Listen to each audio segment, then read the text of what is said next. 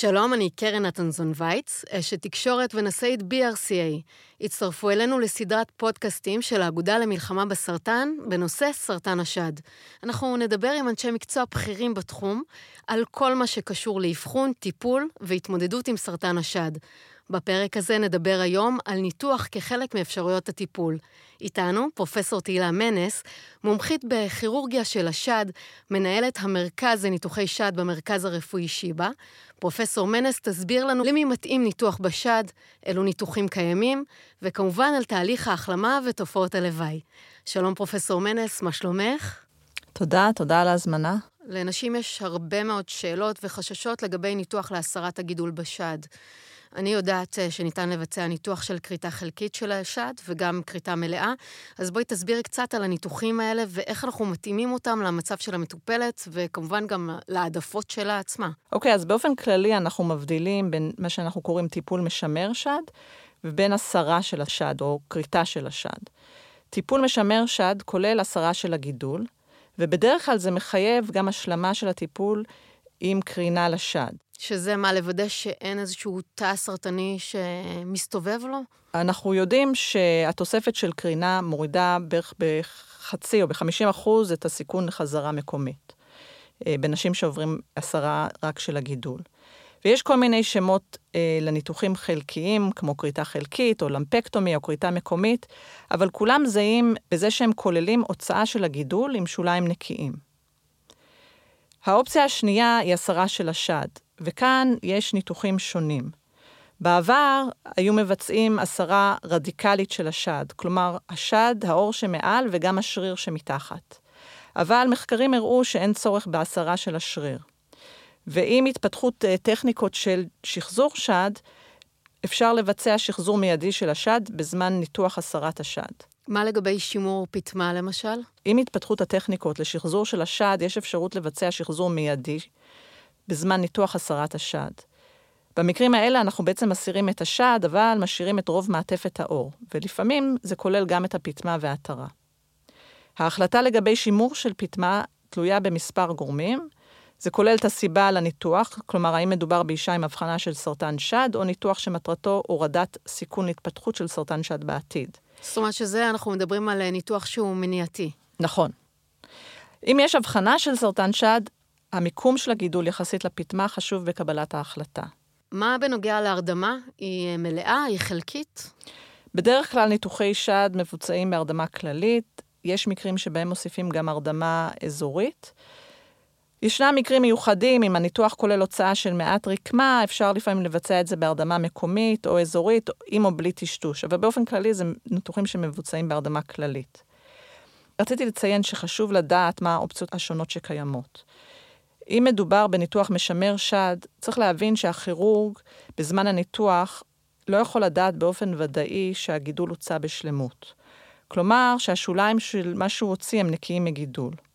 זאת אומרת שתמיד יש אפשרות לניתוח חוזר. בנוסף, יש מקרים שאפשר לבצע קרינה תוך כדי הניתוח. אה, זה גם משהו שצריך אה, לדעת עליו קודם. כמובן שזה לא מתאים לכל המקרים. אה, נקודה נוספת שחשוב להעלות זה הנושא של מעורבות פלסטיקאי בניתוח. או בעצם האפשרות לבצע מה שאנחנו קוראים שחזור אונקופלסטי בזמן שאנחנו מסירים את הגידול. שמה ככל... זה אומר? זה אומר שבעצם אנחנו מנסים למנוע עיוות במראה של השד. ומתי זה קורה? ככל שהיחס בין רקמת השד שאנחנו מוציאים לבין הרקמה שנותרת הוא גדל, אז עולה הסיכון ליצירה של עיוות בשד וגם אסימטריה לעומת השד השני. וכאן יש מקום לערב פלסטיקאי, אה, וחשוב לדעת שהעלות של שילוב פלסטיקאי בניתוח מכוסה על ידי קופות החולים. יכולים אה, להיות מקרים שמציעים לאישה להסיר גם את השד הנגדי, זה שהוא בריא? כן, בנשים עם אה, סיכון מוגבר להתפתחות של סרטן שד, נוסף, כמו נשאיות של מוטציה באחד מהגנים של BRCA, יש לעיתים התוויה להסיר גם את השד הבריא. מה לגבי אה, נשים שלא אובחנו עם המוטציה הספציפית הזו, אבל שכן יש אה, מופע נרחב של סרטן שד במשפחה? אז גם כאן נורא חשוב להעריך את הסיכון האישי של כל מטופלת להתפתחות של סרטן שד נוסף. לא פעם נשים עצמן מבקשות להסיר את השד הנגדי מתוך איזשהו רצון לעשות כל מה שהן יכולות כדי למנוע חזרה. אבל צריך להבין שהסרה של השד הנגדי זה ממש ניתוח נוסף שמכפיל את הסיכונים שכרוכים בניתוח, אה, וזה לא איזה משהו שאנחנו מבצעים על הדרך, וזה לא תורם כמובן לריפוי של סרטן השד שקיים. בנוסף, אנחנו לפעמים נתקלים בנשים וגם רופאים שטוענים שהסרת השד הנגדי נועדה לצורך סימטריה. בעיניי זה לא סיבה מספיק טובה, ברוב המקרים להסרה של שד בריא. יש דרכים אחרות להגיע לסימטריה. כמובן שמי שבסוף מקבלת את ההחלטה זו האישה. אחרי שהיא מקבלת את כל המידע לגבי האפשרויות השונות, ההחלטה היא שלה. יש השפעה גדולה של הרופאים שמכוונים למה שהם חושבים שהוא הניתוח שהכי מתאים לה. מה בנוגע להסרת בלוטות הלימפה מבית השחי, ומה בעצם יכול להיות הסיכון בזה? יש לנו מספר תרחישים שבהם אנחנו צריכים אה, לעשות הוצאה חלקית או מלאה של הבלוטות בבית השחי. קודם כל, במקרים של גידול שהוא בשלב אפס, סרטן שהוא אה, נקרא in situ או DCIS, אנחנו מדברים על תאי גידול סרטניים, שבעצם הם בשלב שהם עוד לא חדרו את צינוריות החלב, ובעצם אין להם אפשרות להגיע לקשריות הלימפה או לשלוח גרורות. במקרים כאלה, אנחנו לא חושבים שהגידול יכול בכלל להגיע לבלוטות הלימפה, ולכן אין סיבה להוציא בלוטות לימפה, אלא אם כן אנחנו חושדים שיש בגידול גם מרכיב חודרני. במקרה הזה, ההוצאת בלוטת הזקיף בעצם נועדה למנוע ניתוח חוזר, אם בסופו של דבר נקבל בתשובה הפתולוגית שיש גידול שד חודרני. במקרים של גידול שד חודרני, כשאין עדות למעורבות של בלוטות לימפה לפני הניתוח, מקובל להוציא את מה שנקרא בלוטת הזקיף, שהיא הבלוטת לימפה הראשונה שמנקזת את השד. אם היא אינה נגועה, רוב הסיכויים שאין בלוטה אחרת שנגועה, ולכן אפשר להסתפק רק בהוצאה של הבלוטת זקיף. איך מזהים אותה? כי יש מעל 30 בלוטות בבית שחי. יש מספר טכניקות, כולן מבוססות על הזרקה של חומר שניתן לזיהוי לתוך השד. זה יכול להיות חומר צבע או חומר רדיואקטיבי, או שילוב של שניהם. החומר נקלט על ידי מערכת הלימפה של השד ומגיע בעזרתו לבלוטת הזקיף. בניתוח, המנתח פותח את בית השחי ומחפש בלוטות שנצבעו. בדרך כלל מדובר בבלוטה אחת עד שלוש. עכשיו, יש מקרים שבהם אנחנו יודעים כבר בזמן ההבחנה שיש בלוטה נגועה. איך יודעים את זה? או שיש אה, ממש בלוטה שהיא מוגדלת במישוש, הרבה פעמים אנחנו רואים את זה בהדמיה ועושים ביופסיה ומוכיחים שהיא נגועה. במקרים כאלה, אם אה, מבצעים ניתוח מיידי, אז מקובל לעשות מה שנקרא דיסקציה של בית השחי, כלומר הוצאה של כל שומן בית השחי בגבולות מוגדרים, עם הבלוטות שבתוכו. ברגע שכבר הבלוטה גם כן אה, נגועה, זה אומר שהסרטן אה, נחשב מפושט? הוא נחשב לסרטן שהוא אה, אזורי, כלומר, הוא לא רק מוגבל לשד, אלא גם לבלוטות האזוריות. עכשיו, הרבה מהאנשים האלה, אה, יומלץ להם לעבור קודם טיפול תרופתי, מה שנקרא אה, טיפול נואג'ובנטי.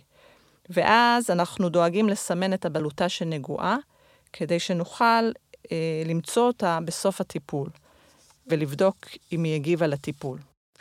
פרופסור מנס, אני רוצה לדעת, יש גם סיבוכים שאנחנו אה, צריכים להיות ערים להם? כן, אחרי הסרת קשריות לימפה מבית השחי יכולים להיות סיבוכים שקשורים בפגיעה עצבית, כאבים בכתף וגם הגבלה בתנועת הכתף. היות שמערכת הלימפה קשורה בניקוז של נוזלים מהזרוע, תיתכן פגיעה בניקוז עם הופעה של נפיחות ביד, מה שנקרא לימפדמה. במטופלים שעוברים גם קרינה לניקוז הלימפטי בגלל מעורבות של בלוטות, הסיכון לבצקת או לימפדמה גבוה יותר. במקרים האלה אנחנו ממליצים על פיזיותרפיה לימפטית ולעיתים גם על חבישה אלסטית. זה המקום להזכיר כי לאגודה למלחמה בסרטן יש חוברת הסברה בנושא לימפדמה, שמכילה את כל השאלות והתשובות ויכולה לסייע רבות. איך הכירורג מוודא שכל הגידול הוסר? אני יודעת שזה הדבר שהכי מלחיץ אה, מטופלות. אוקיי, okay, אז כמו שציינתי, הכירורג מוגבל ביכולת שלו לזהות בזמן הניתוח את הגידול. לפעמים אפשר להבדיל בעין בין רקמה גידולית ורקמת שד בריאה, אבל בהרבה מקרים קשה להבדיל, במיוחד אם רקמת השד היא לא שומנית, או במקרים שהמטופלת עברה טיפול תרופתי ויש תגובה של הגוף לטיפול. אנחנו נעזרים בהדמיה שבוצעה לפני הניתוח על מנת לאמוד את הגודל והמיקום של הגידול, והרבה פעמים מבוצע סימון לפני הניתוח על מנת להגדיר עבור הכירורג את גבולות הגידול. תוך כדי הניתוח יש אפשרות לצלם את הפרפרט הניתוחי, כלומר לבצע ממוגרפיה או אולטרסאונד של מה שהוצאנו, על מנת לוודא שהוצאנו את מה שסומן בגבולות טובים. אבל כל הכלים האלה לא שוללים מעורבות מיקרוסקופית של גידול בשוליים. ישנן טכנולוגיות שונות שפותחו על מנת לעזור לכירורג לוודא שהגידול יצא עם שוליים נקיים. אבל אין כלי שמבטיח את זה. בסופו של דבר זה שילוב של הדמיה קדם-ניתוחית טובה, ניסיון של הכירורג והכרה של ההדמיה. אבל גם לכירורגים מנוסים יש לו פעם שוליים נגועים שמחייבים ניתוח חוזר. נקווה שלא נגיע למצב הזה, אבל בהנחה, ואנחנו אחרי אה, ניתוח שעבר בהצלחה, הרבה נשים היו רוצות לדעת כמה זמן נמשך האשפוז, מה בנוגע לצלקות, סיכות, תחבושות, נקזים. זה מאוד תלוי בסוג הניתוח ובמנתח. כשמדובר בניתוח משמר שד פשוט, בדרך כלל אין נקזים. כשמדובר בניתוח חלקי או מלא עם שחזור, יכולים להיות נקזים. הנקז הוא בעצם צינור גומי שנמצא בחלל הניתוח ומנקז נוזלים שמצטברים באזור. הוצאת הנקזים נעשית כשההפרשה פוחתת, בדרך כלל לאחר מספר ימים. אבל ברוב המקרים אפשר להשתחרר הביתה עם הנקז, והמטופלת מקבלת הדרכה כיצד עליה לטפל בנקזים. אני יכולה להעיד באופן אישי, אחרי שעברתי את הכריתה ואת השחזור, הייתי עם נקזים. הסתובבתי איתם רגיל, פשוט מתחת לבגד, ולמדתי איך אה, לפתוח אותם, לנקז את ההפרשות, להחזיר בחזרה. פשוט לא נתתי לדבר הזה להפריע לי ביום-יום. אני חושבת שזה נכון משהו מאוד. שלא צריך אה, להתייחס אליו אה, נכון. כמשהו ש, שאמור להפריע או להלחיץ. זה חלק מההחלמה, זה הכל. זה לא סיבה להישאר באשפוז ברוב המקרים. זה בטוח שלא. יש לך איזושהי המלצה לביגוד מתאים אחרי הניתוח? אוקיי, גם כאן אה, זה תלוי בניתוח ובמנתח, ולכל כירורג יש העדפות שלו גם לגבי סוג החבישה, ואם הוא כן או לא משתמש בחזייה תומכת. אה, ברוב המקרים הסגירה של הפצעים הניתוחים נעשית על ידי תפרים נמסים.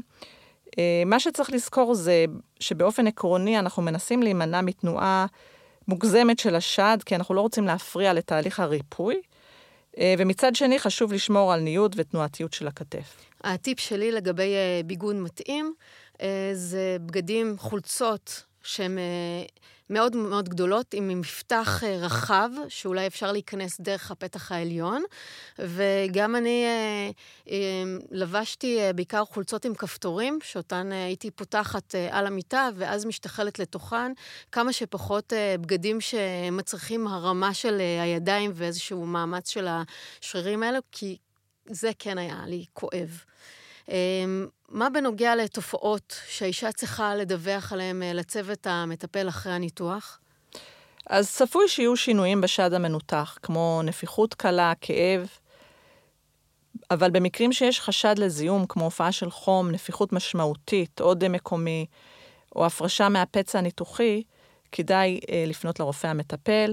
זה כולל גם הפרשה דמית בכמות גדולה מהפצע או מהנקז. משך ההחלמה, אה, זה משהו שמשתנה ממטופלת למטופלת, או שיש איזשהו טווח שאת יכולה לדבר עליו? אז זה מאוד משתנה, כמובן, אה, כתלות בסוג הניתוח. ניתוחים פשוטים זה כמה ימים. אה, כשאנחנו מדברים על ניתוחים עם שחזור של השד, ההחלמה יכולה להיות שבועות וגם יותר מזה, במיוחד בשחזורי שד מורכבים, כמו כשמשתמשים ברקמה עצמית מהבטן לצורך השחזור.